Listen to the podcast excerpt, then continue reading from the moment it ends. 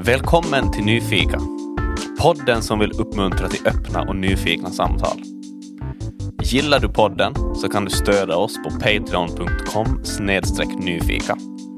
Nyfika sponsras av Svenska kulturfonden, Svenska Österbottens kulturfond och Frukt Coffee Roasters.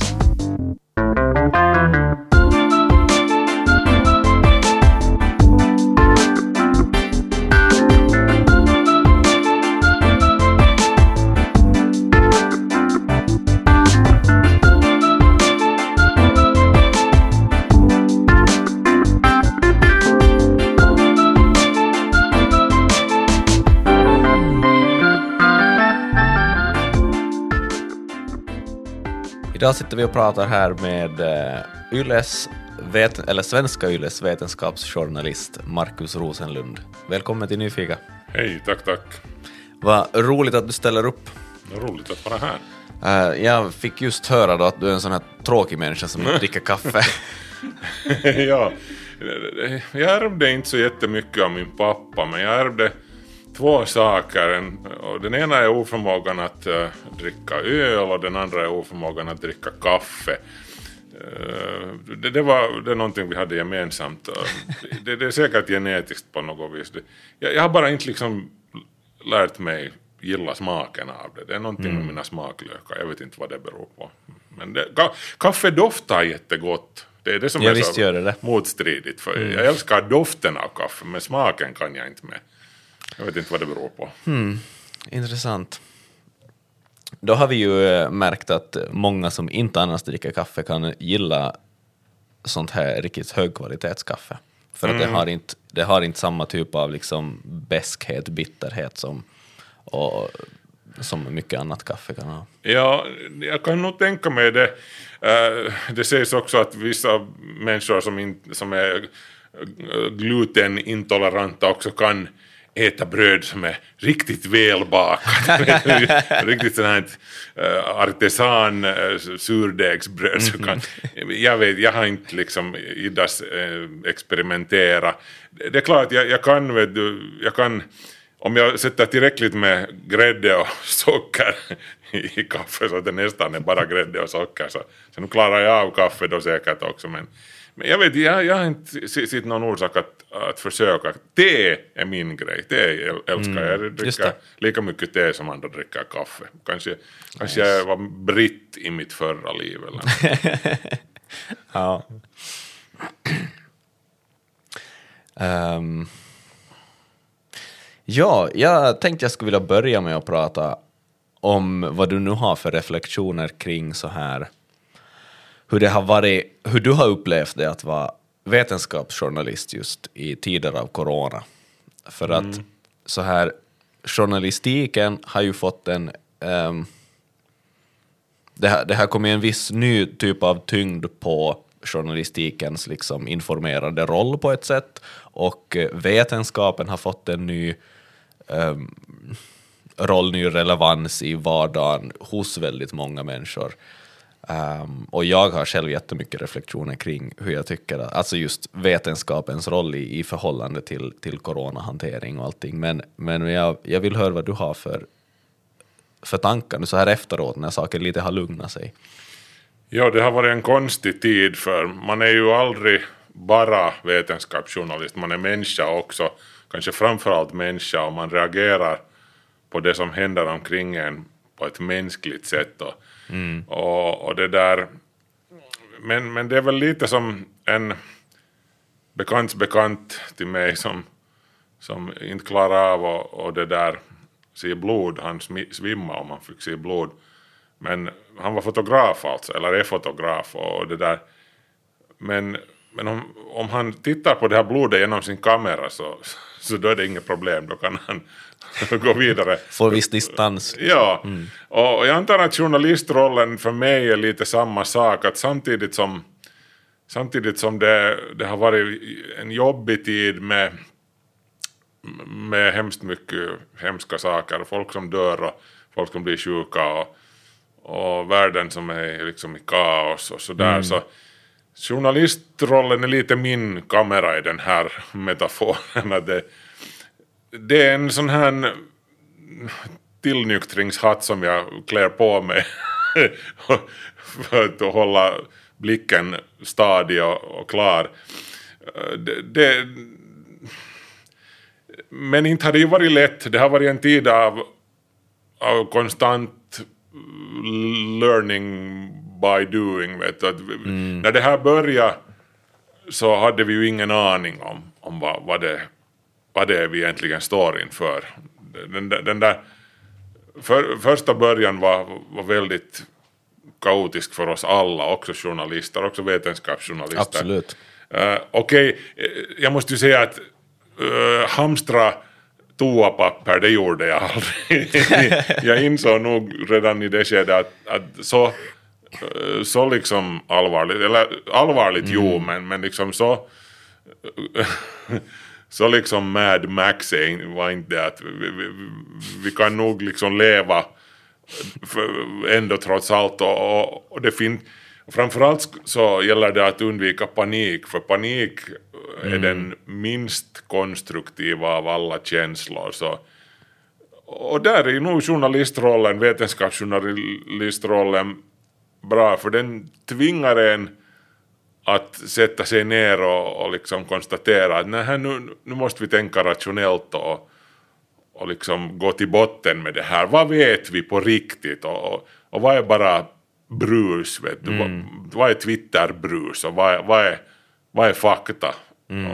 Och, och, och jag, jag har jag, faktiskt, det, det är en sak som den här pandemin har haft kanske en effekt som den haft med att jag har börjat undvika Twitter allt mer. För Twitter är, det, det är, en, det är en sån grottekvarn alltså. Det, Just det, så att Trump och du försvann från Twitter där. ja, ja nej, det, finns, det finns bättre det Just finns det. bättre ställen att få sin information för 90% av allt som kommer emot på Twitter är bara strunt. Eh, men jo, eh, som sammanfattning, alltså det har nog varit en konstig tid. Men det har varit en lär, lärorik tid också.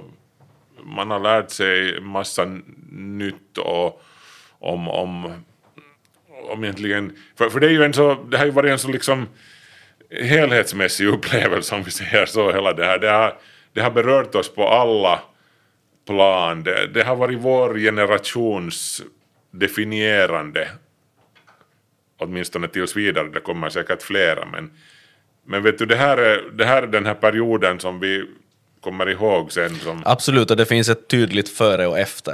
Alltså Ja. det, det är liksom... Ja, precis. Det är liksom tiden före och tiden e- e- efter. Det är, det är en ny tideräkning på sätt och vis som, vi, Absolut. som vi, vi har varit med om att se eh, komma igång här.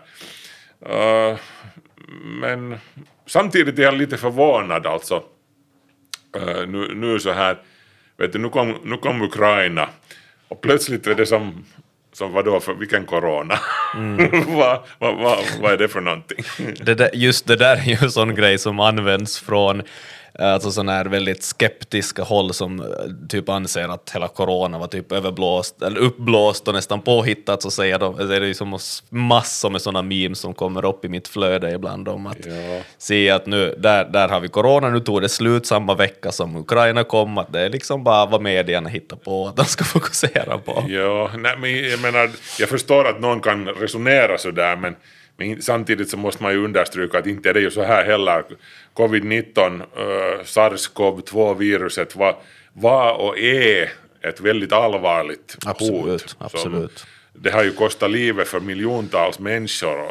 Det, långtidseffekterna vet vi inte ännu ens om. Vi, vi vet Mm. inte vi vet inte vad, vad lång covid kommer att betyda för många. Det, det finns, Nej. Vi är inte ute ur det här ännu. Vi ska komma ihåg att det, det pågår fortfarande. WHO har inte blåst av den här pandemin ännu. Så Mm. vi har, men vi människor är, vi, vet, vi är lite som måsflock. Vi är som en måsflock. Alltså, det händer någonting eh, och så flyger alla måsar upp och skriker och, och, och så och så landar de när, när de inser att okej, vi det kanske ändå trots allt tryggt nu. Och så, så händer det någonting nytt igen. Och så flyger alla upp och, och, Ja. och, och så kommer det igen någonting. Och, men det betyder ju inte, det finns ju det finns ju nog en orsak till när måsarna flyger iväg. det, det, vi människor är inte bara alltid så, vi är inte så rationella, vi reagerar med känslor. Nej. Och, och det där, ja. Det där då som du sa, att det finns en orsak med att fåglarna flyger iväg.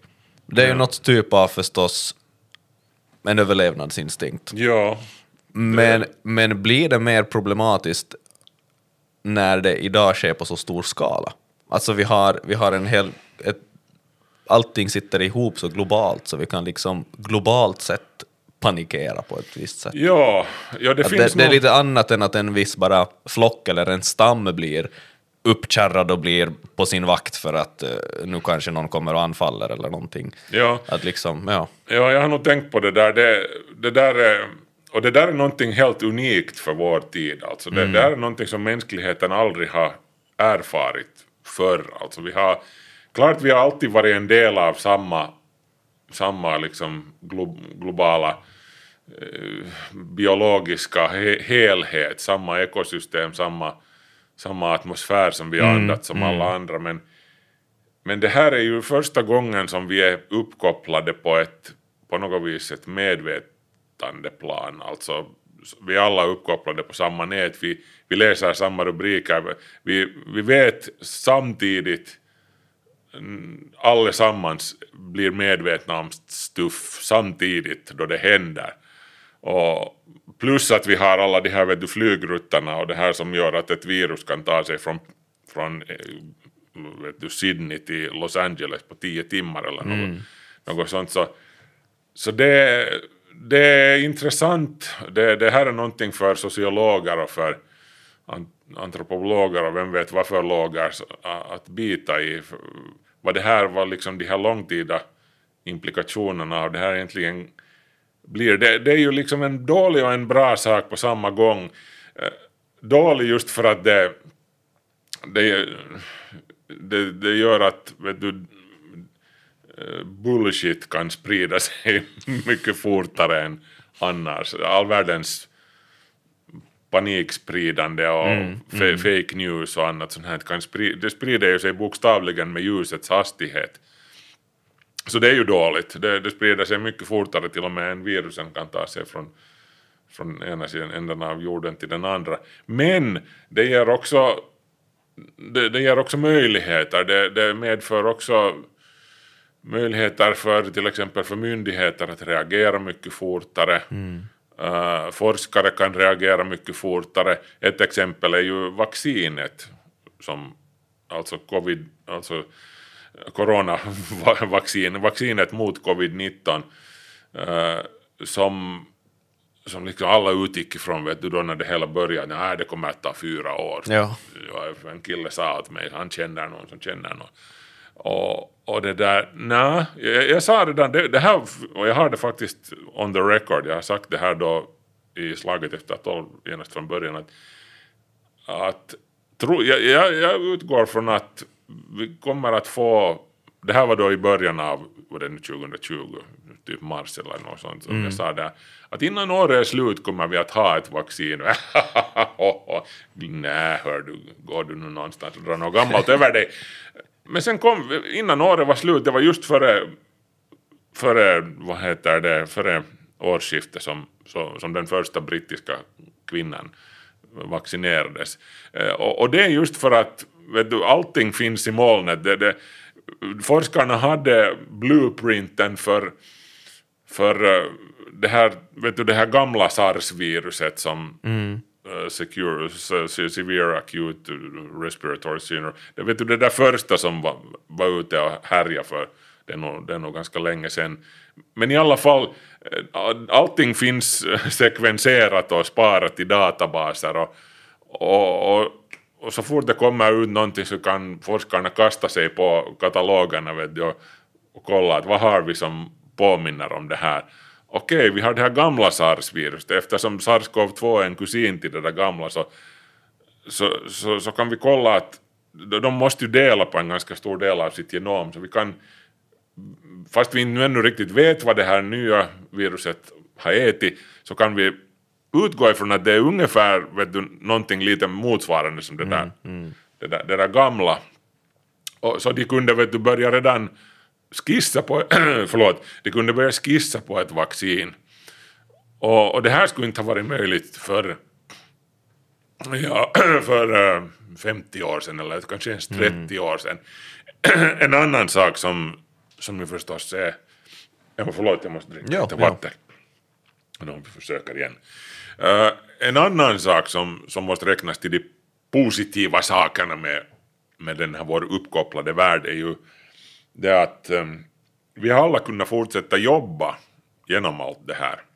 Det skulle aldrig ha funkat mm. för 20 nej, år sedan. Nej, absolut, absolut. Om den här pandemin skulle ha slagit till uh, början av 90-talet, så jag menar, internet fanns i praktik, eller ja, okej, okay, internet fanns, men webben fanns inte, de, de här snabba uppkopplingarna fanns inte, så, så det skulle ha försvårat kommunikationen mellan myndigheter mm. och vet du, det här läkemedelsbranschen och, och, och, och det skulle ha försvårat vårt vardagliga liv. Ja. Absolut, och, och bara den här liksom möjligheten att distansjobba skulle ju inte ha funnits på samma sätt bara för typ tre år sedan, för att internet ja. klar, skulle inte ha klarat av alla online-möten på samma sätt med, ja, med videofeeds. Exakt. Så man behöver ju inte gå tillbaka så långt innan, alltså, ja. Nej, nej, nej, det, du behöver verkligen inte... Fyra, fem år sedan räcker och så skulle det vara problematiskt. Du behöver verkligen inte gå så långt tillbaka och det här skulle, skulle, skulle det alltså ha hänt före den här uppkopplade eran så det här skulle ha haft otroligt långtgående följder för själva sjukdomens förlopp, för själva pandemin också för, för det skulle ha tvingat folk i ännu högre grad vet du, att gå till jobbet som vanligt, gå ut på mm. stan, mm. gå och möta folk så, så smittan skulle ha spridit sig ännu fortare. Mm. Och, och, så här. Tror du att det skulle blivit bara mer intensivt men ett kortare förlopp innan, innan det har cirklat igenom alla människor och, ja. och fler har fått antikroppar naturligt tidigare? Och... Ja, ja, helt säkert. Alltså det, det, det ju, man behöver bara titta på vet du, på spanska sjukan 1918, 1919 och så här. Eh, den ger ju någon sorts aning om hur läget kunde ha sett ut. Mm. Om, för det, om, om vi hade levt i förr i tiden så att säga. Uh, den, den var ju som en skogsbrand vet du, som hela skogen fattar eld samtidigt och flammar upp och brinner galet intensivt och en massa människor brinner ihjäl och så vidare bortåt. Och det, jag menar spanska sjukan enligt vissa källor så så den tog ju livet av mera människor än, än första och andra världskriget sammanlagt. Mm, mm. De värsta uppskattningarna landar på 100 miljoner äh, människor eller så. Men äh, covid-19, coronan, den, den blev ju någonting helt annat och det, det är just för att man kunde liksom alla sprang inte ut samtidigt vet du. nej, man, nej, kunde, exakt, exakt. man kunde sitta hemma i sina egna eh, hörn och, och ha Zoom-möten och, och, så här. Så, så, det blev mer så här, vet du, det, det blossade upp små bränder här och där som, som glödde hett förstås och som, som kostade liv och, och så här. Mm. Men, men hela skogen brann inte på en och samma gång. Det här hade ju förstås sen följden att att branden höll, höll på längre. Spanska sjukan gick över fortare. Mm. Nu ska vi sen komma ihåg att spanska sjukan uh, var ett helt annat virus, så mm. man kan inte helt liksom jämföra de här. Men någon fingervisning ändå lite hur det ska ja, gå. Den var en in, Får... influensa för övrigt, ja. Så. Just det, okej. Okay. Får jag fråga då, just för att återkoppla till det här med, eh, med vetenskapsjournalistiken, hur, Um, hur tänker du kring det? För jag har en, en spaning där, en, en observation att, att det har skapat ganska mycket förvirring och, och ett intressant fenomen det att vetenskapen har plötsligt blivit så aktuell mm. för alla människor.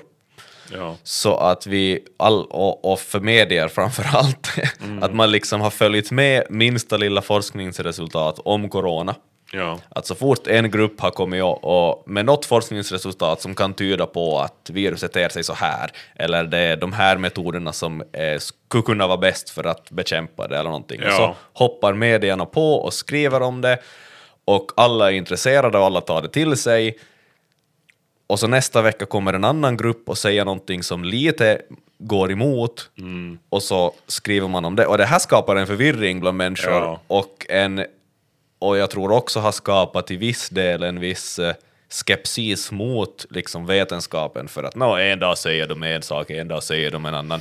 Men det är bara det att vi är inte vana med att på ett sånt liksom att allmänheten följer med den här vetenskapliga processen, för så här går det ju till i bakgrunden hela tiden naturligtvis. Ja, det här det stämmer helt som du säger och, och, och det här beror ganska långt på att folk inte riktigt förstår hur vetenskapen fungerar. Det, man blandar lite väl mycket in det man vet om hur religioner fungerar. För, för de religioner eh, sysslar ju med absoluta svar. Men, men vetenskapen sysslar inte med det, vet du, som, man, som skiffinördar säger, only a Sith deals in absolutes. Bara det, eh, vetenskapen bygger på att man ska kunna, det är inte bara tillåtet att ändra, ändra ståndpunkt, det, det är närmast liksom nödvändigt och det, det hör till spelets regler. Du, Och, och just det här att liksom en forskningsgrupps resultat är inte vad vetenskapen har kommit fram till, eller vad vetenskapen säger om det här. För Nej, att- för vetenskapen säger ingenting.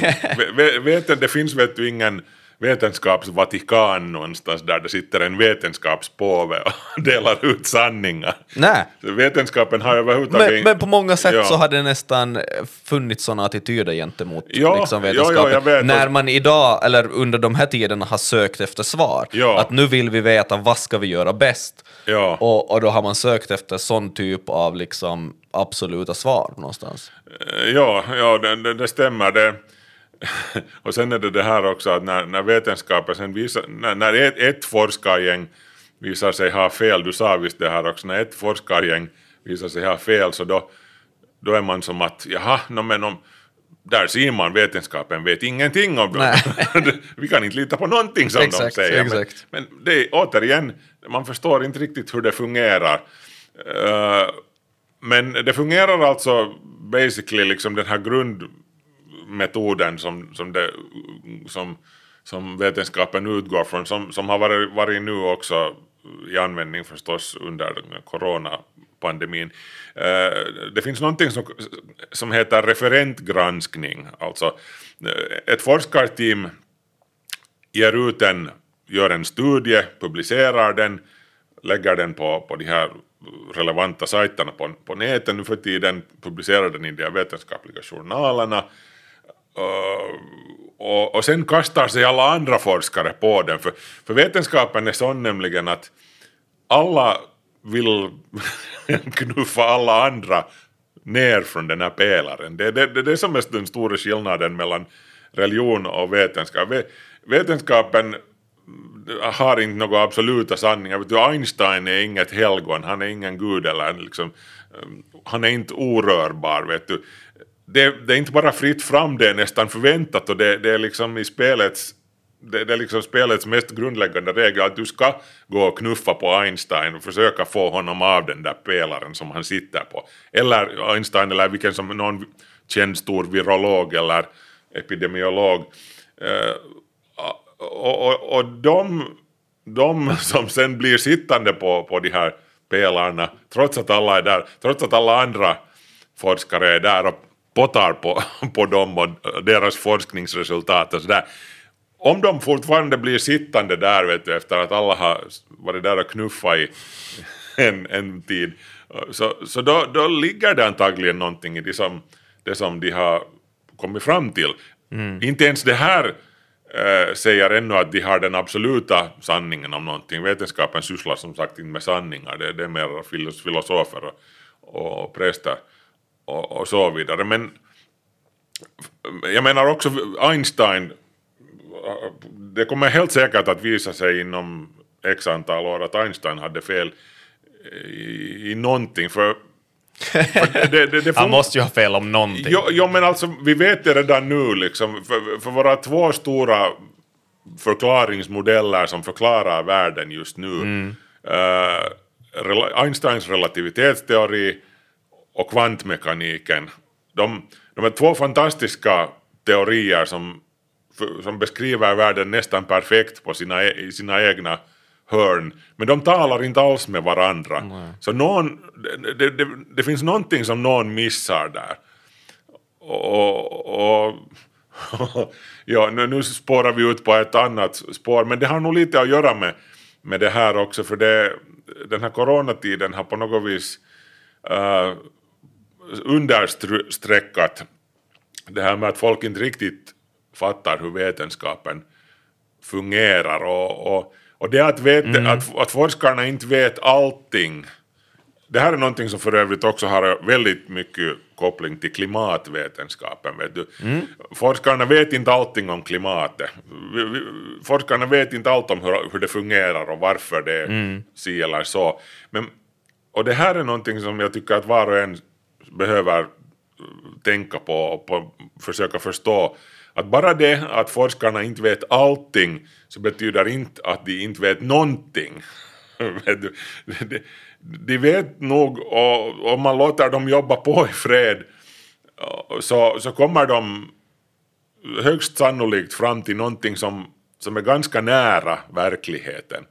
Och vilket de har gjort med, med, med corona, med, med sars-cov-2, med covid-19. Jag menar, tiden gick och, och bilden som vetenskapen målade upp av det här viruset ursäkta, blev, blev allt klarare. Och vi vet nu redan, forskarna vet en hel massa om det här viruset. Och, och jag menar bra så för, för, för, för det blev, det, vi har ju tagit oss igenom det här ändå trots allt och det kunde ha blivit mycket värre, det kunde ha blivit så mycket värre.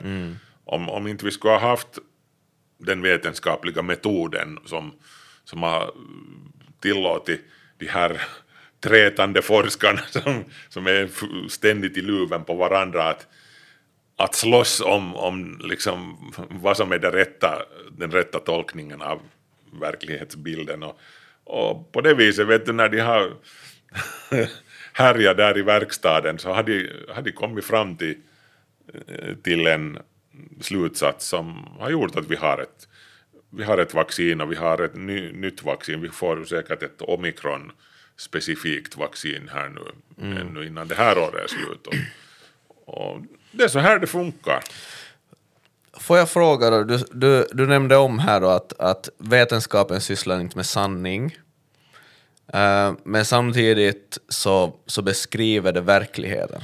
Ja, Att hur, vad, vad ser du där för skillnad mellan liksom att om, om vetenskapen beskriver verkligheten ja, och, och, och vad det betyder om de inte ändå sysslar med sanningar? Ja, no, det här är nu lite förstås semantik, men, men alltså jag, jag, och jag är nog inte den enda som, som säger det här, alltså sanning, jag brukar säga att sanning är lite som, vet du, A-hålet, alla har en, alla har ett, alla har en sanning. Det finns lika många sanningar som det finns, äh, finns människor, mer eller mindre. Liksom, äh, allt som är sant är inte verkligt. Men allt som är verkligt är på sätt och vis sant eh, ur en objekt... Det här är nu också lite... uh, Vet du, den, vad är den objektiva verkligheten sen sist och slutligen? För det, det är nog också... Då, då slirar vi nästan igen lite in på, på filosofins domäner, för enligt kvantmekaniken så existerar inte ens nödvändigtvis den objektiva Nej, verkligheten. exakt, exakt. Eh, Så, så det här ska nu ingen ta liksom som, som någon gudagiven sanning. det här med, men, men jag brukar nog åtminstone personligen försöka skilja åt sanning och verklighet på det viset att sanning är det där som vi uppfattar som, som, som sant, också om det inte nödvändigtvis är det. Vet du. Ehm, sanning är, eh, sanningen hör för mig jag kopplar den mera samman vet du, med, med, med dikter och med, med musik och med konst. Och, vet du, sanningen är någonting som är vackert så. Som hör ihop med estetik Ja, det, det blir sant för mig också om, också om det jag tittar på, det, det där konstverket som jag tittar på, också om det egentligen är någonting helt annat. Jag uppfattar det helt fel. Vet du. En, någon, min gammal favoritlåt som jag har älskat sen, sen jag var sju år gammal eller någonting och jag, jag hörde den första gången när jag var sju år gammal när jag inte ännu kunde engelska så, så, jag, så jag hörde att de sjöng någonting helt annat än vad de egentligen sjöng. Men för mig är det sant att de sjunger vet du, Scooby-Dooby-Dooby där fast de sjunger något helt annat. så kom inte att säga åt mig att, att jag har fel, för det är så som jag uppfattar den här, den här låten. Det är Nå, min om- sanning. Om, just det, just det. Mm. Men, men ja, uh, sanning, alltså, jag, jag tycker ju om sanningen. Jag, det, jag försöker nog leva eh, enligt sanningen. Liksom det, jag, jag är jättedålig på att ljuga. Jag blir, min mormor brukar säga att man ser på näsaställningen på dig när du, när du ljuger. Så jag, jag, det, det är mycket enklare att, att tala sant mm. än, än att ljuga. För, för att, att ljuga är att, att konstruera de här byggena av lögner är väldigt tids och, och energikrävande. Du måste hela tiden fundera att vad sa jag nu egentligen då för, förra gången. Att hela tiden komma ihåg var, var, var man nu egentligen är i den här labyrinten som man har byggt. Jo, jo, exakt. Det, det där är nog just någonting, alltså... Eh, nu, nu kommer vi just in på sånt här som också är svårt för mig att formulera, men, men jag tänkte återknyta lite till en sak som du sa, eller då du jämförde sådär just vetenskap och, och religion och i samband med att du pratar om sanning. Så jag är ju själv äh, kristen, och, och då blir ju som sanning för mig i grund och botten blir ju i princip en person som jag upplever att jag känner. Mm. Eh, men det, det genomsyras ju, eller det går ju då in på just också sånt där att jag kan uppleva en typ kontakt med den sanningen just genom estetiska saker, genom Ja. sånger eller dikter säkert om jag skulle läsa dikter. Ja. Eh, och också upplever det i, på något sätt i samband med den där typen av öppenheten som du pratar om där. Ja. Alltså att på något sätt försöka leva på ett sätt som går i samklang med den sanningen. Eh, och där typ då lögner blir någonting som går emot. ja. Men jag menar, det, det handlar just om ett sånt där mycket djupare plan, än, än, så att jag håller helt med dig då du säger att vetenskapen inte sysslar med sanning, för att Ja, nej, vetenskapen är, det är inte en samling dogmer som, som säger hur man ska leva. Det, vetenskapen är, eller, som säger någonting om nå- någon idealverklighet som, som, som inte ens existerar. Utan vetenskapen är en, en samling arbetsmetoder, en samling redskap som, som forsk, forskarna ja. använder för att, för att försöka beskriva verkligheten på ett Ja, exakt. ett så verklighetstroget sätt som möjligt och, och göra förutsägelser. Alltså beskriva verkligheten på ett så användbart sätt som möjligt, skulle jag nästan säga. ja, ja. Och, men jag menar om du är kristen så jag menar din sanning blir ju din verklighet sen. Den behöver inte vara min verklighet, vet du. Det som du tror på, eh, det, ditt liv är, är din verklighet, det, det är inte nödvändigtvis min verklighet. Eh, men, men jag menar, ja. Vet jag vad jag desto mer ska säga. alla, blir, alla blir liksom saliga i sin tro förstås. Nu, fast jag, jag är själv ateist, vilket jag nu har sagt flera gånger uh, öppet, men, men nu tror jag ju på saker också. Jag menar också en ateist tror på, på en hel massa saker som vi bara får liksom eh, vet du, kasta oss, vet, vet du, som det här gamla testet att man, man ställer sig med ryggen mot någon och så faller man baklänges och, bara litar på att någon fångar upp en. Nu, nu, som ateist så nu, nu tror jag ju på sånt, sånt också. Jag tror ju på, vet du, jag tror på på min, min hustru, jag tror på kärlek, jag tror på, jag tror på mina barn, jag tror på...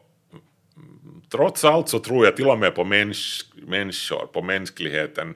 Det finns gott i mänskligheten fast vi, vi är jättebra på att mm. rodda till och förstöra saker. Men jag tror på Men det är ju, det är ju sådär. nödvändigt att på något sätt tro på mänskligheten, Jo, jo, för annars, annars blir man ju verkligen destruktiv. Alltså. Jo, jo, annars blir man ju totalt förbittrad och, och vet du, nihilist. Det- Exakt, det, exakt. Och det, det, det är väldigt icke-konstruktivt.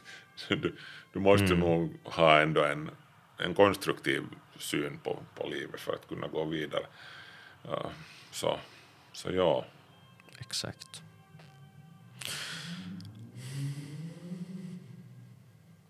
Men då kommer vi ju bra in på här. Um, jag satt då på tåget på vägen hit och lyssnade på, på den här radiodokumentären om, om din barndom och din, din uppväxt. Um, där du berättade att, att när du har blivit mobbad och så satt, stod du någon gång med det, du hittade din morfars pistol. ja. Eh, och, och det väcktes väldigt mörka tankar i dig. Det där är ju på något sätt då, vad, vad tror du att det finns i dig som... Okej, nu kanske, nu kanske jag, jag går i den här storyn alldeles för snabbt här, men... Men jag ville göra en koppling mellan det och att ha den här liksom på något sätt tron på mänskligheten eller se någonting gott. För att vad tror du, vad har fått dig att gå igenom allt det där och, och gå igenom de där väldigt mörka åren med sådär destruktiva tankar till och med, ja. till att komma hit nu att du faktiskt... Nå, det var ju nog just mäns, människan, tron på människan som räddade mig sen, för jag befann mig alltså på riktigt i en väldigt mörk plats i mitt liv då. Det var av många olika orsaker. Det var mobbningen i skolan, det var min pappa som var en väldigt, eh, hur ska vi säga, konfliktfylld person som drevs av, sina egna, inom citat, demoner som han inte riktigt kunde behärska. Och, och, och det där och min, min barndom var nu, inte var den ju liksom på det, jag menar det finns många andra som har haft det mycket värre med, men, men det var nu min story, det var nu min barndom och, och jag kan inte liksom tala för någon annan. Min, jag kan bara tala för hur jag hade det och, jag var, och, och, och det som jag genomlevde då det förde mig till en ganska mörk plats och, och, och faktiskt, ja, jag hittade min morfars gamla krigstida pistol i, i skåpet i hans garderob när vi lekte kurragömma. Och, och, och, det där, jag gick ju faktiskt på riktigt omkring och funderade att om jag skulle ta med den här till skolan och, och, och, det är ju på något vis, det har skrämt mig jättemycket det, det, efteråt, det här att man att man eh, kan på något vis föras till en sån plats där, där, den, där det blir ens verklighet, där man börjar tänka att sådana här saker är på något vis normala, det är rationellt vet du. Jag visste ju att att det är lite förbjudet, det är nog förbjudet, det visste jag, så därför talar jag inte om det med någon, men samtidigt så så det var, min, det var så som jag rationaliserade liksom att, att här är en pistol, jag har sett på TV vet du att, att folk pekar med pistoler på andra och får de, de andra att bete sig på något visst sätt och, och, och, och det där. Hur gammal var du här? 12 år var jag ungefär, ja. Eh, men det som sen räddade mig, det som gjorde vet du att, att jag gick, eh, det här, det, vet du, det här vägskälet där skolskjutarna anlände, där, vi har, vi har ju haft dem, av dem här i Finland också, vissa, vissa har tagit den där, den där dåliga vägen och, och gått vet du, med pistolen i hand till skolan och, och skjutit, helt på riktigt jag gick den andra vägen och, och det är ju nog just på grund av de goda människor i mitt liv som jag hade. För, för trots att jag hade onda människor, eller inte onda men, men vet du, jag hade människor som inte gjorde mig väl i mitt liv. Men, men jag hade också de här, eh, de här människorna som ville mig väl och som jag hade ändå trots allt en trygg hamn att komma hem till. Jag hade min mormor och morfar, min mamma, eh, mormor och morfar de bodde i huset mitt i, på andra sidan gården från oss. Så, så jag hade alltid någon att gå till efter skolan. Jag behövde inte komma hem till ett tomt hus. Och, och vi hade vår holme ute i skärgården som vi fortfarande har kvar, dit ska jag fara nu på veckoslutet igen. Uh, så så jag hade, jag hade någonstans dit jag kunde krypa in och mm. vet du, mm. slicka mina sår och, och ladda mina batterier och, och skärma av det här, det här, det här hemska. Och, och, och jag tycker nog synd alltså om kidsen nu för tiden, helt på riktigt, för, för de har inte nödvändigtvis, också, ja, det, det, säkert många som mobbas och så här har ju förstås personer i, i sin närkrets som hjälper dem och skyddar dem, vilket jag verkligen, eller jag hoppas att de har, så många som möjligt har det. Men samtidigt så här, här kommer vi in, in på det här, det faktum att allting är så jäkla uppkopplat just nu. Mm. Alltså jag, jag har sagt så många gånger att jag är, jag är så oändligt tacksam för att jag växte upp i en tid innan internet, innan smarttelefonerna. Vet du.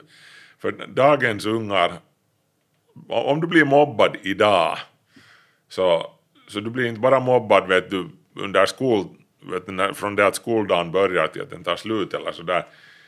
Du blir mobbad hela tiden. Du, du, du, du har mobbarna med dig i fickan vart mm. du än far. Mm. Det, det, det ska, du ska nu typ vara ute någonstans på Atlanten i en segelbåt eller någonting för att komma undan dem. Och inte ens det, jag menar, det finns Starlink, du kan koppla upp dig varifrån som helst nu för tiden. Så, så det börjar bli riktigt svårt att hitta ställen att gömma sig. Mm. Uh, och jag är bara glad och tacksam över att jag, att jag kunde stiga ut från den där bilden, vet du, den där hemska bilden av killen med pistolen i handen och stiga ut till, till ett ställe där vet du, måsarna skrek och vågorna kluckade mot klipporna. Och, och det var björkarna susa och så här och mommo satt på sticka på strandbänken och så här. Det är inte alla som har haft den förmånen, inte ens på den tiden. Mm. Så. Så, så, och, det, och det är jag tacksam för och, och det var ju liksom det var det, det är det som får mig kanske ändå att trots allt tro på människan att vi människor är ju fast vi har, har en sån kapacitet till, till bottenlös ondska så som vi ser nu liksom i Ukraina vad, mm. vad vissa tar sig för där. Det är ju så hemskt att man, man börjar gråta bara av att tank, tänka på det. Men, men, men, men, det är just det här som jag menar, eller jag har inte ännu menat någonting, men det är det som jag menar om oss människor, att vi, vi bär på oss vi bär på oss det goda och det onda vissa i lika mått och vissa har mer av det ena och vissa har mer av det andra. Men, men allt det, allt det liksom djävulska och allt det gudomliga det finns ju inom Absolut. oss. Det, det, är ju, det är ju vi, uh, som jag ser det. Så, så mm. det, det är allt delar av oss som vi sen väljer att ge uttryck för på olika sätt och vissa av olika orsaker spårar in mera på den här mörka sidan. Ja, Nej men alltså det där är absolut en människosyn som jag, som jag håller också. Uh, och ja, alltså jag, ja, det, det är ju som det enda jag tycker att egentligen kan förklara hur mänskligheten beter sig. För då finns det ju många liksom ideologier som bygger på att människan i grund och botten bara är god. Och jag, jag anser att det är en missförstånd. Ja, ja men, men jag menar, människor är ju, och det här är någonting som, som eh, vetenskapen också stöder, att människan är i grund och botten, jag vet inte om man kan kalla det god för, för evolutionen som har, evolutionen inom det naturliga urvalet som har gjort oss sådana som vi är så den, den gör inga moraliska värderingar på det viset. Den, den, den, tänker, inte, den tänker inte överhuvudtaget, den är inte någon den egentligen. Det är återigen bara en term. Men, men jag menar, uh, den har nu hur som helst, det har nu lett till ett, en situation där vi har en biologisk enhet kallad människan som, som uh, utgångsmässigt är, har en tendens, snarare har en tendens till att göra goda saker, vet du, att känna empati. Empati är, eh, det är inte något sånt här hög, högtravande filosofiskt ideal, utan empati är helt det är, en, eh, det är någonting som evolutionen har gett oss för mm. det, det ökar på våra egna överlevnadschanser. Det ökar på din och min chans vet du, att bli vuxna och, och skaffa oss avkomma och få dem vet du, uppfostrade och vidare till nästa generation och så här. Mm, mm. Det, det är helt enkelt så som det, det fungerar, empati lönar sig. Och, och, och därför har vi vet du, den här uh, inbyggda medfödda reflexen att när vi hör en baby gråta någonstans så blir vi lite så här oj, var, varför gråter baby, kan jag hjälpa, vet du, om du ser en bebis som ligger i en krubba någonstans och, eh, i en portgång och, så, och du råkar gå förbi och hör att bebisen gråter, det, innan, innan din rationella hjärna ens har hunnit analysera det här så det är klart du får den här impulsen att oj nu måste jag gå och titta, att, vad, är den, kan jag hjälpa på något vis, den där bebisen behöver hjälp. Eller, eller du, sitter, du ser en människa som ligger och blöder på gatan, det är klart du vill gå dit och hjälpa. För det, det är liksom, vi har det hardwired vet du, i, i, i våra hjärnor, att vi vi är programmerade att vet du, skrapa varandras ryggar, för, för vi tjänar på... Nu, jag får det att låta väldigt så här som en någon sån här nästan som en business-transaktion. Som, som, jag menar alltså det blir ju ofta så om man, om man pratar om saker utgående från evolutionsteorin just för att man måste prata om, om nyttan i, i varenda detalj. Ja. Eftersom att det är det förklaringsmodellen bygger på. Ja, ja precis. Men, men samtidigt så eh, kan vi ju också skippa vet du, den vetenskapliga jargongen här och bara konstatera att, att det är fint att det är på det här viset. Det, mm. det här är ju någonting som, som vi alla säkert kan underskatta som vi alla kan, liksom oberoende om vi är religiösa eller inte eller vilken religion vi kan, kan liksom hör till så, så det här är ju någonting, det här är ju vår, allas vår geme, minsta gemensamma nämnare som vi borde kunna vara överens om att, att vi, ska vara, vi ska vara snälla med varandra. Det, det, det, det borde liksom alla utgå från. Och, och, och ännu som barn gör vi det i något skede, vet du. Barn är såna, om de inte har något... Jo, på samma gång som barn kan vara så otroligt grymma med varandra för att man, no, har, ja. in, man har inte koll på konsekvenser av ens handling. Ja, no, det stämmer, det, det finns ju det också, men, men i alla fall så, så vi är nog ändå mera trots allt benägna mm. till att göra gott mot varandra. Men, men det är en så konstig värld vi bor i. Alltså den, vi är inte på savannen mera, vet du. vi är inte i Afrika mera. Det är inte liksom... Eh, vart vi än kommer, vart vi än går, vet du, om, om det är ett vulkanutbrott och vi måste flytta på oss eller någonting händer, så att vi måste gå vidare, gå, fara över ett hav till någon ny plats. Så det bor redan någon där på det här nya stället. Det, det är en konstig värld och just med hela det, allt det här uppkopplade stuffet och så våra gamla inpräntade biologiska algoritmer som vi har i huvudet så de, de blir lätt förvirrade. Vi blir förvirrade. Mm. Mm. Också om vi också om vi jobbar på intuition, vet du, att vi, vi gör det som vi känner att är rätt, så kan det ändå bli fel. Vägen till helvetet är stensatt med goda föresatser, det är ett av mina favoritordspråk. Absolut. så. Jag vill, jag, jag vill backa tillbaks till det som du sa där om att, att vetenskapen underbygger det, att, att människan är både god och ond. Eller den här dubbelheten. För att samtidigt så, eh, så backade du ju lite från det och sa att nå nå vetenskapen dealar ju inte med gott och ont på det sättet. Men, men, Nej, så men- jag vill ja. komma åt vad du egentligen menar där. Att på, nå- på vilket sätt kan man dra sådana slutsatser från vetenskapen?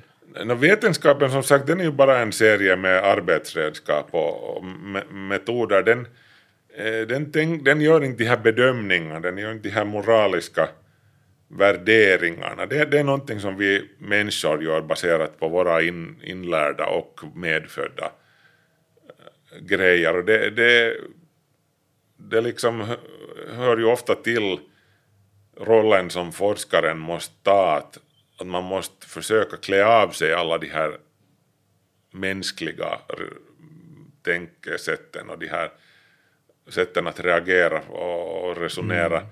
För för naturen som vetenskapen beskriver så funkar inte så riktigt så som vi alltid skulle önska att den skulle göra. Vet du, det, om man tittar på diverse olika djurarter som så, så de gör ju hemska saker alltså, vet du, de äter sina egna barn.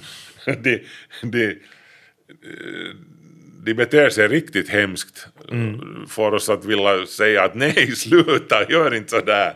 Och så, säkert många, många forskare som observerar sådana här djur som gör saker. tänker, Säkert den här lilla mänskliga rösten inom dem skulle, skulle vilja komma fram och säga nej, ät inte era egna barn. Eller liksom lämna inte era barn vet du, och sp- spring bort med, med någon typ, typ som ni just träffade.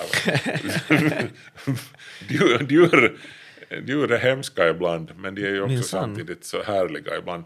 Eh, och, och, jag menar, det, det är bara så det fungerar. Det är inte liksom... Det, det är sen våra, vi, vi klistrar sen på våra värderingar. Vi har ju vi har disneyfierat naturen. vi vill se, vet du, eh, naturen och världen som genom, genom den här Disney-linsen som vi, vi fick framför ögonen när vi var barn redan. Men det, det är inte riktigt så det fungerar. Vad var din ursprungliga fråga nu igen?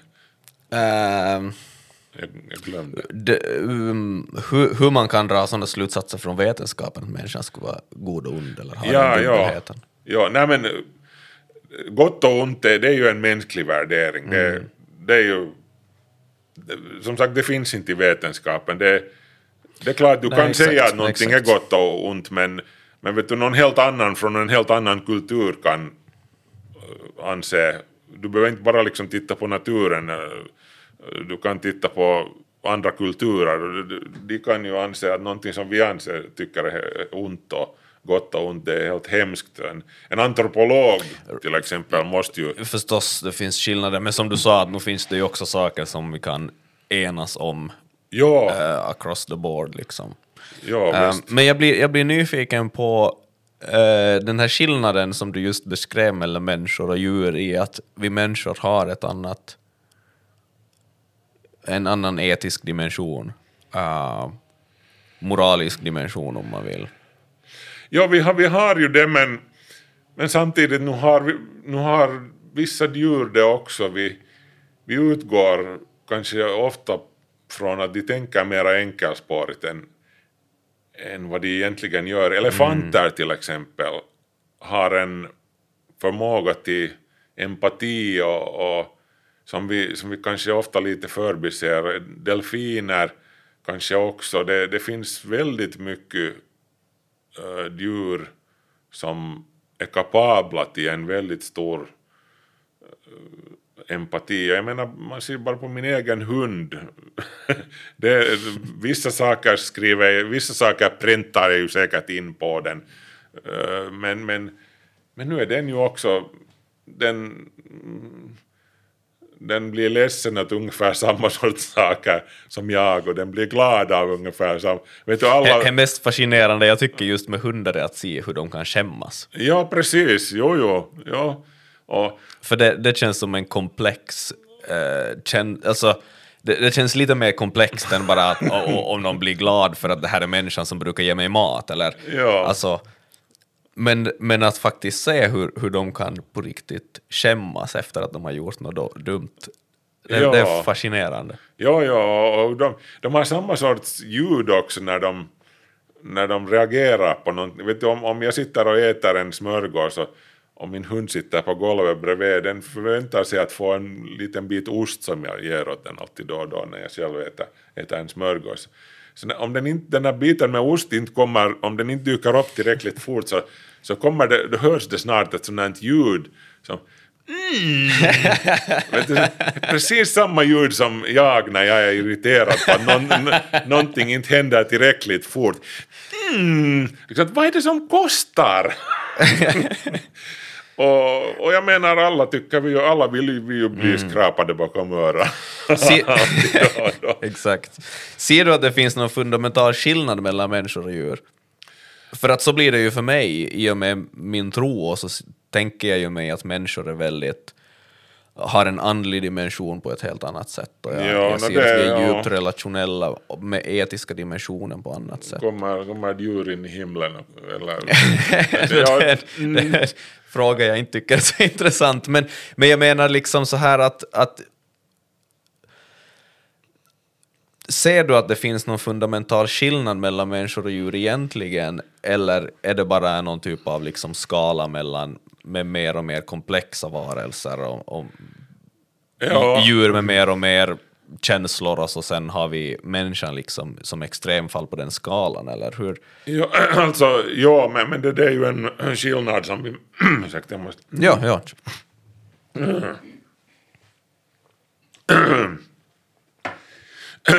det, det skillnaden mellan djur och människor, det är ju det, det är ett vägskäl som vi har gått igenom i något skede där, där vi och resten av, för jag menar våra förfäder var djur. Också om vi nu, jag, jag räknar ju mig själv som en östafrikansk hårlös apa. Det, det, det, rent sådär kategoriskt liksom utgångsmässigt, det, det är vad jag är. Det, det, det, det är vad, vad du ser om, om du zoomar in på mitt DNA. Eh, du kan spåra min... Charmig självbild.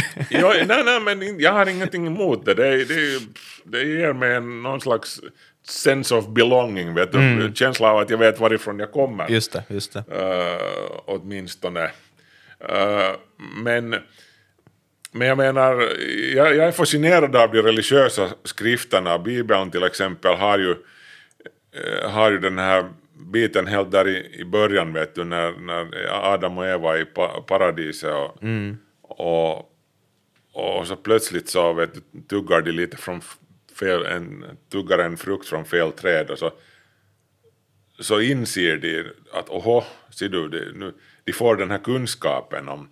Och, och jag, jag, tycker att det är en, jag tycker att det är en fin metafor. Jag tror ju inte att det här har hänt bokstavligen på riktigt just så här. Men det är en fin metafor, för i något skede så måste ju, vet du, den första individen någonstans, det kan- ha varit flera individer som kom till samma slutresultat, någonstans där i, i gränslandet mellan Australopithecus och Homo habilis eller någonstans så, eller kanske mellan Homo erectus och Homo sapiens. Jag vet, någonstans där så måste ju någon ha tänkt den där första tanken att den där första hög, den högtstående abstrakta tanken eh, för det har ju med hjärnan att göra alltså. Det, det är ju det som skiljer oss från de övriga djuren. Jag säger från de övriga djuren, för jag uppfattar människan som ett, ett djur. Men det är klart det finns en skillnad. Vi, och skillnaden är just det att vår hjärna är fullkomligt unik i djurvärlden. Vi, vi, är, vi har en kalkyleringskraft i vår hjärna som, som är fullkomligt i sin egen klass eh, i, i biologin här på jorden. Och det är ju det som, det är det som gör oss till, till människor, det är det som särskiljer oss från den övriga eh, värld, djurvärlden. Ja. Som gö- gör att vi kan att vi, vi är ju liksom universum som tittar på sig självt. Det är ju, 14 miljard, miljarder år senare eh, har vete lärt sig titta på sig själv och konstatera wow, hur, hur kom vi hit? det, ge vete tillräckligt med tid så kommer det att börja fundera hur det kom, kom hit och, det, och så får det ångest. Och, och Ja men det är ganska mirakulöst. ja, nu- det, det, ja, nu är det ju, det är ju häftigt Ja. och spännande, det är det ju. Inte vet jag, mirakel eller, ja, det, men det har hänt i alla fall. Ja. Jag tycker det var intressant när du sa just om, om, om skapelseberättelsen, om syndafallet, beskrivningen av det. Att jag, oberoende sen hur, hur bokstavligt man vill se på det eller inte, och rent teologiskt har jag inte landat där, men jag, jag är definitivt övertygad om att orsaken att det har blivit sk- nerskrivet är att det beskriver någonting viktigt i vad en människa är. Och, och just lite det som du var inne på där, att, att det, det beskriver som någonting djupt grundläggande för, för mänsklighetens tillvaro här. Ja, det, det, är ju, det är ju den förlorade oskyldigheten, den, den förlorade, he- heter det oskulden eller för, liksom eh, det, det, det, går ju att använda som metafor på så många olika plan. Vet du. Du, kan, Absolut. du kan se det som en met- metafor för när människan äh, lämnar äh, tillvaron som, äh, som, vad heter det, nomad, alltså när vi, när vi slutar fösa omkring djur på savannen eller följa djur på savannen och, och när, vi, när vi slutar vara nomader och när vi slog oss ner och bruka jord, börja bruka jorden.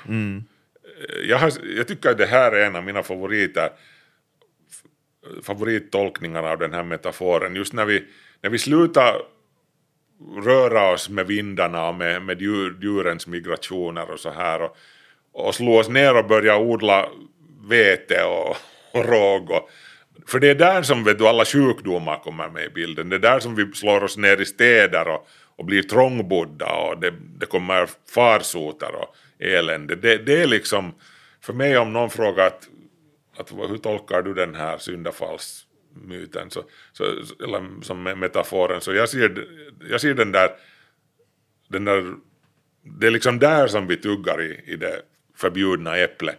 Att vi skulle antagligen vara mycket lyckligare om vi bara skulle ha fortsatt ströva omkring på savannen och, och så här, men vi ville börja eh, odla eh, spannmål, vilket gjorde att vi måste börja äga saker och, och försvara de här sakerna mot andra som vill stjäla dem av oss. Och, och så här. Men sen samtidigt kan du också ta den här metaforen och vet du, tillämpa den på en enskild människas liv. Exakt, det var det jag ville säga. Ja. Ja, alltså du, du kan ju se det här vet du som, som när, du, när du som barn för första gången upptäcker att, att din mamma och pappa inte är de här vet du, perfekta gudavarelserna. Som, att de kan ha fel och de är egentligen ganska dumma och kackahuvuden och, och, och så här.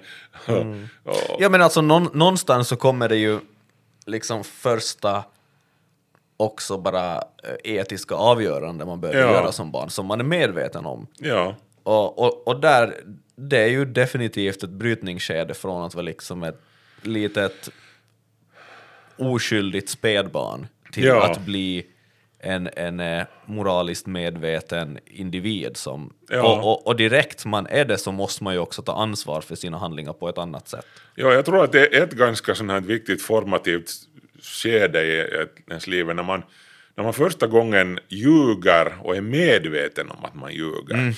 Vet du, när, när man första gången gör något, någonting som, som man vet att det här, är inte, det här är inte tillåtet, men man gör det ändå.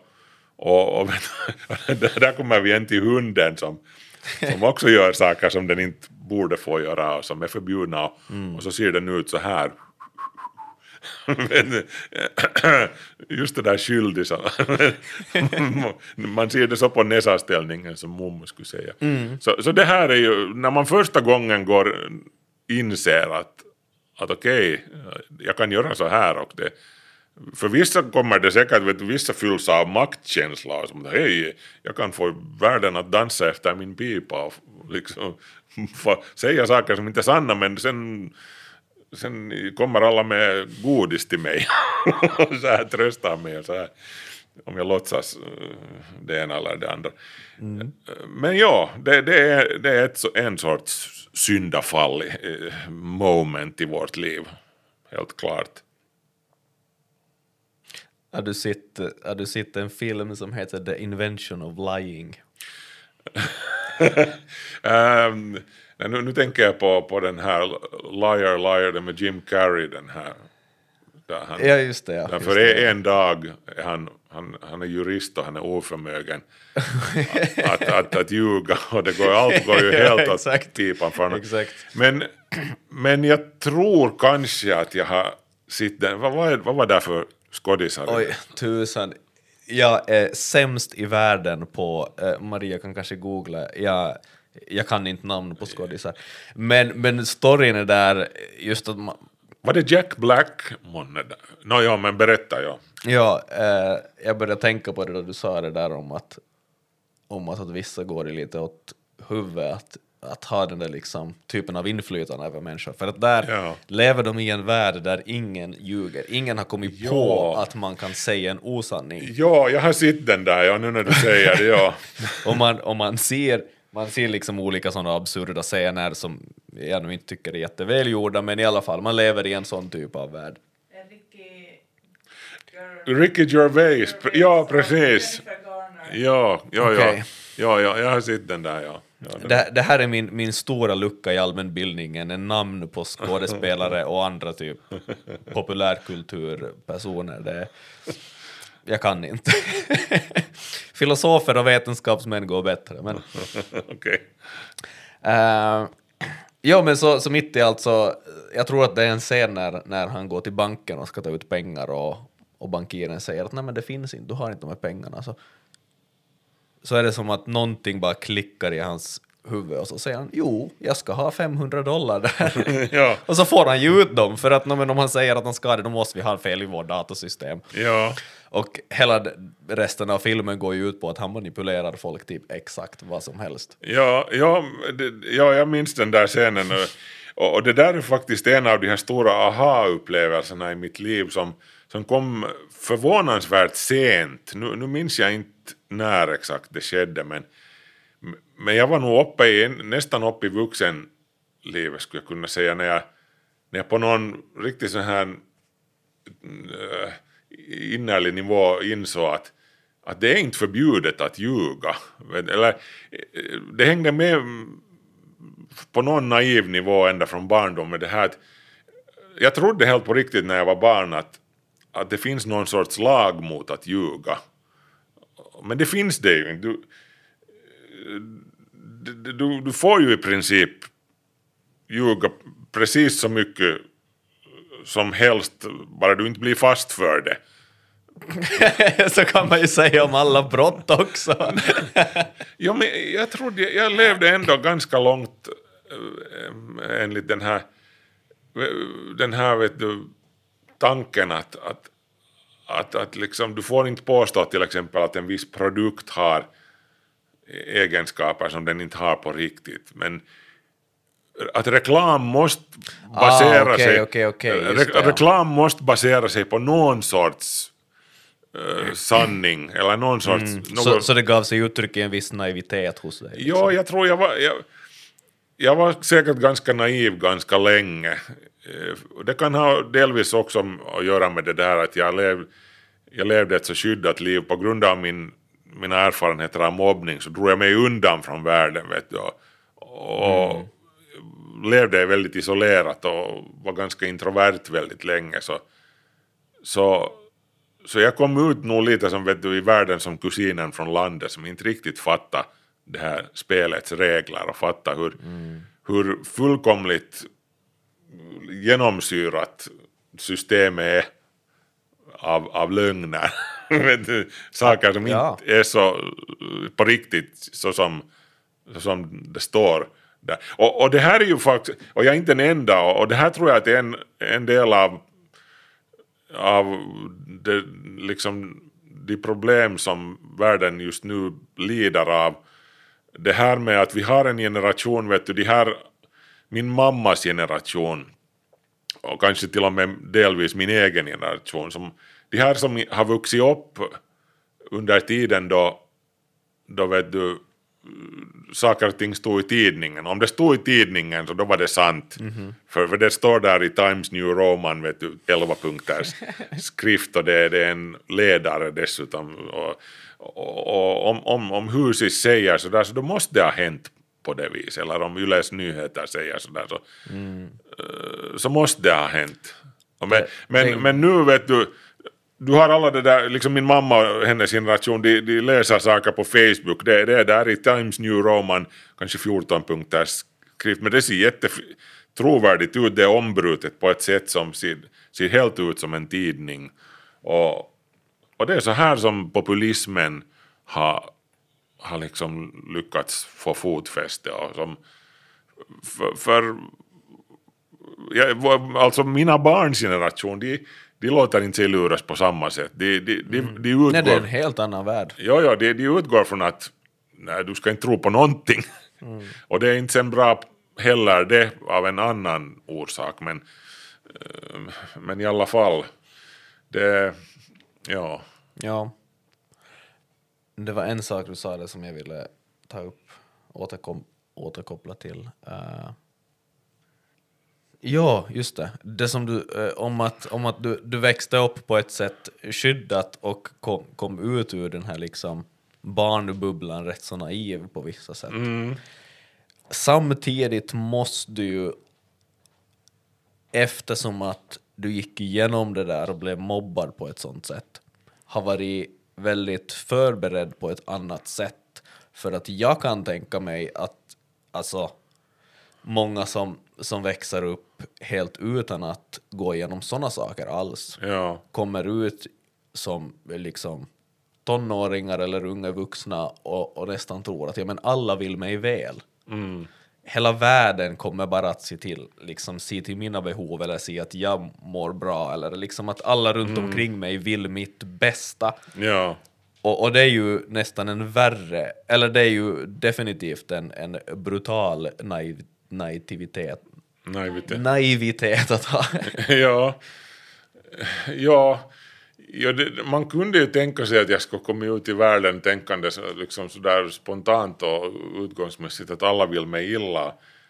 Och så här har varit väldigt liksom misstänksam mo- mot allting men inte vet jag, är det nu sen det mänskliga i mig, men jag var inte sådan. Jag, jag utgick nog fortfarande från liksom framförallt vuxna. Vet, Jag har alltid varit kanske lite, barn har jag varit misstänksam mot mera kanske. Men, men vuxna är ändå auktoriteter. Vet du, jag, det kan bero på min morfar till exempel som var en viktig rollfigur i mitt liv. Han var en sån här gammal tidens vet du, officerstyp mera som, som, som man, nej, om han sa någonting så då var det sant. Just det, just det. och, och det var kanske lite den bilden jag hade av världen när jag kom ut i den. Att, att, att ja, de, här som, de här som ser ut att ha koll på saker och ting, vet du, som har någon form av auktoritetstecken på sin rock eller något så här. Så de, de vill De- mig de åtminstone väl. Nej. De, och min världsbild var väl lite svartvit kan jag tänka mig. Och, att liksom det var antingen, antingen ville man mig väl eller så ville man mig illa. Men alla de, världen är ju så mycket grå, gråzoner. Det, det är ju Mm. liksom någonting som hör till upp det, det att när man växer upp man inser att det finns jättemycket gråzoner och, Absolut. och tolkningar. Ja. Liksom. Nej men alltså det är ju, man kan ju beskriva mognadsprocessen så, just Ja. att inse att det finns gråzoner. Ja. Och ju mer och mer du inser att det finns grå, ju mer och mer liksom saker du inser hur pass liksom gråskaligt det är så mest, desto mer mognare blir man för det. Så, så är det, men, men ja. Men jag har nog märkt alltså att jag är 52 år nu och, och, och, och jag lär mig fortfarande nästan dagligen, eller nå, det, det, kanske inte mera dagligen, men det, det händer fortfarande i mitt liv att jag får aha-upplevelser om livet och om, om människor. Att ah, ja, det är så här det fungerar.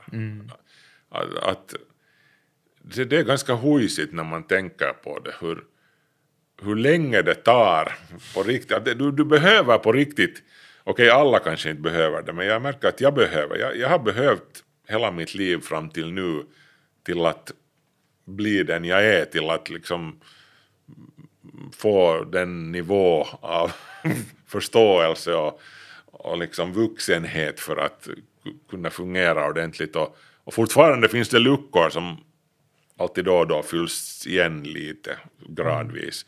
Så, så det, det, det, det är fascinerande. Li, det, livet, livet är väldigt intressant och, och fascinerande. Nog. det, det tar liksom hela, den här, hela det här livet och, och, att lära sig det och sen, sen, när, vet du, sen är man gammal och skröplig. och- Det är lite paradoxalt samtidigt. Vet du. Du, är, du är gammal och har inga krafter mera och eh, du är bara, det verkar överallt. Och, och just som, som du har, har all den här kunskapen och har lärt dig allt det här, nu skulle du kunna, nu skulle du kunna gå ut och göra allt det där som, som du inte visste då när du var 20. exakt. Eh, Nu, nu, nu har du liksom alla förutsättningar till att skapa en massa fina människorelationer och, och liksom sätta upp det här fantastiska, köra igång den här fantastiska businessidén som, och, och, och göra allting rätt men sen är du för gammal och, och svag för att orka göra någonting åt saken. Nej men absolut, och det där är ju en, en sak som jag tänker mig att vi lite glömmer bort idag för att vår kultur Alltså många gamla kulturer har man ju alltid hedrat de äldsta Ja. och, och, de, och de har alltid varit de som man kommer till för att få råd och, och visdom. Men på många sätt har ju vår kultur totalt svängt på det här. Ja. Eh, och så att de som liksom vi kulturellt går till för, för någon slags liksom guidning så är ofta kanske ganska unga eller Ja, helt liksom bakvänt. Och det, ja, ja, det där är nog definitivt en, en viktig visdom att på något sätt liksom och, och jag tycker att det är fascinerande att prata med äldre människor just. Visst är det det, ja. Jag menar vår, vår kultur, vår civilisation är ju, har ju en patologisk fascination med, med ungdomen. Vi, Absolut. vi dyrkar ungdomen, vi, vi, vi liksom knä, faller på knä inför ungdomens altare. Och, eh, Strunt i vad en ung människa vet eller kan, men, men bara det att man är ung så är ju en kvalifikation som klår vilken erfarenhet som helst. Och det är, ju, det är ju inte alls bra. Och det har nog mycket att göra med den här, just igen den här uppkopplade världen, att, att de, de här som på riktigt vet någonting om hur, hur det funkar genom erfarenhet, så de, deras röst hörs inte i den här nya uppkopplade härliga världen. Nej. De, de, de, de på något vis blir där i sina, sina trädgårdsgungor och, och, och det där eh, sina åldringshem och så här. Och det gör, det gör nog oss, vi gör nog alla eh, oss själva en tjänst genom att lyssna på dem. Och, och det, det är jag glad att, jag är glad på det viset att jag hade min mormor och morfar i mitt liv som var, de var just sådana gamla kloka människor som hade gått igenom en massa saker, kriget och, och återuppbyggnaden och allt det där. Och, och, och jag lyssnade jättemycket på dem när jag var, var liten och, det, och jag lärde mig, jag, jag har på något vis vuxit upp med den här insikten att, jo, att gamla människor vet en hel massa bra saker. Som, som, och, och, och när jag blir gammal, vet du, när jag själv blir gammal så så ser jag på mina egna barn och, och, och, och, och liksom drabbas av den här tanken att oj jösses, var jag så där, var jag så där bakom flöten när jag var i deras ålder? Jag trodde ju då att jag visste allting men, men nu först inser jag hur fullkomligt ute jag cyklar jag Nu först inser du att det är ju nu du vet allting. no, precis. men tror mina barn att jag vet allt? Nej, det tror jag att jag inte vet någonting. så. Ja. Fantastiskt. Jag tror att vi kanske avrunda där. Tack för att du var med. Det var roligt att sitta och prata med dig och lära känna dig lite. Ja, men. Lärt lär känna personen bakom texterna man läser på svenska YLE. No, men tack, tack. Det var roligt att diskutera. Det, det här är en sån här diskussion som man väldigt sällan har eh, mitt på dagen på en onsdag. Vet du, det är såna här diskussioner som man har över ett glas rödvin någon gång lördagkväll eller, eller så här. Så det, det, det, det, det gör en sj- själv gott att liksom att titta på, på, Härligt. på de här stora frågorna också så här i, i dagsljuset. Det, det ger en själv nya infallsvinklar. Grymt! Tack ska du ha. Tack, tack. Tack för att du har lyssnat. Kolla in oss på Patreon, bli sponsor och få tillgång till bakom kulisserna material och sånt som vi inte publicerar på annat ställe. Jag heter Jakob Hjortman och jag hoppas att du hänger med i nästa samtal.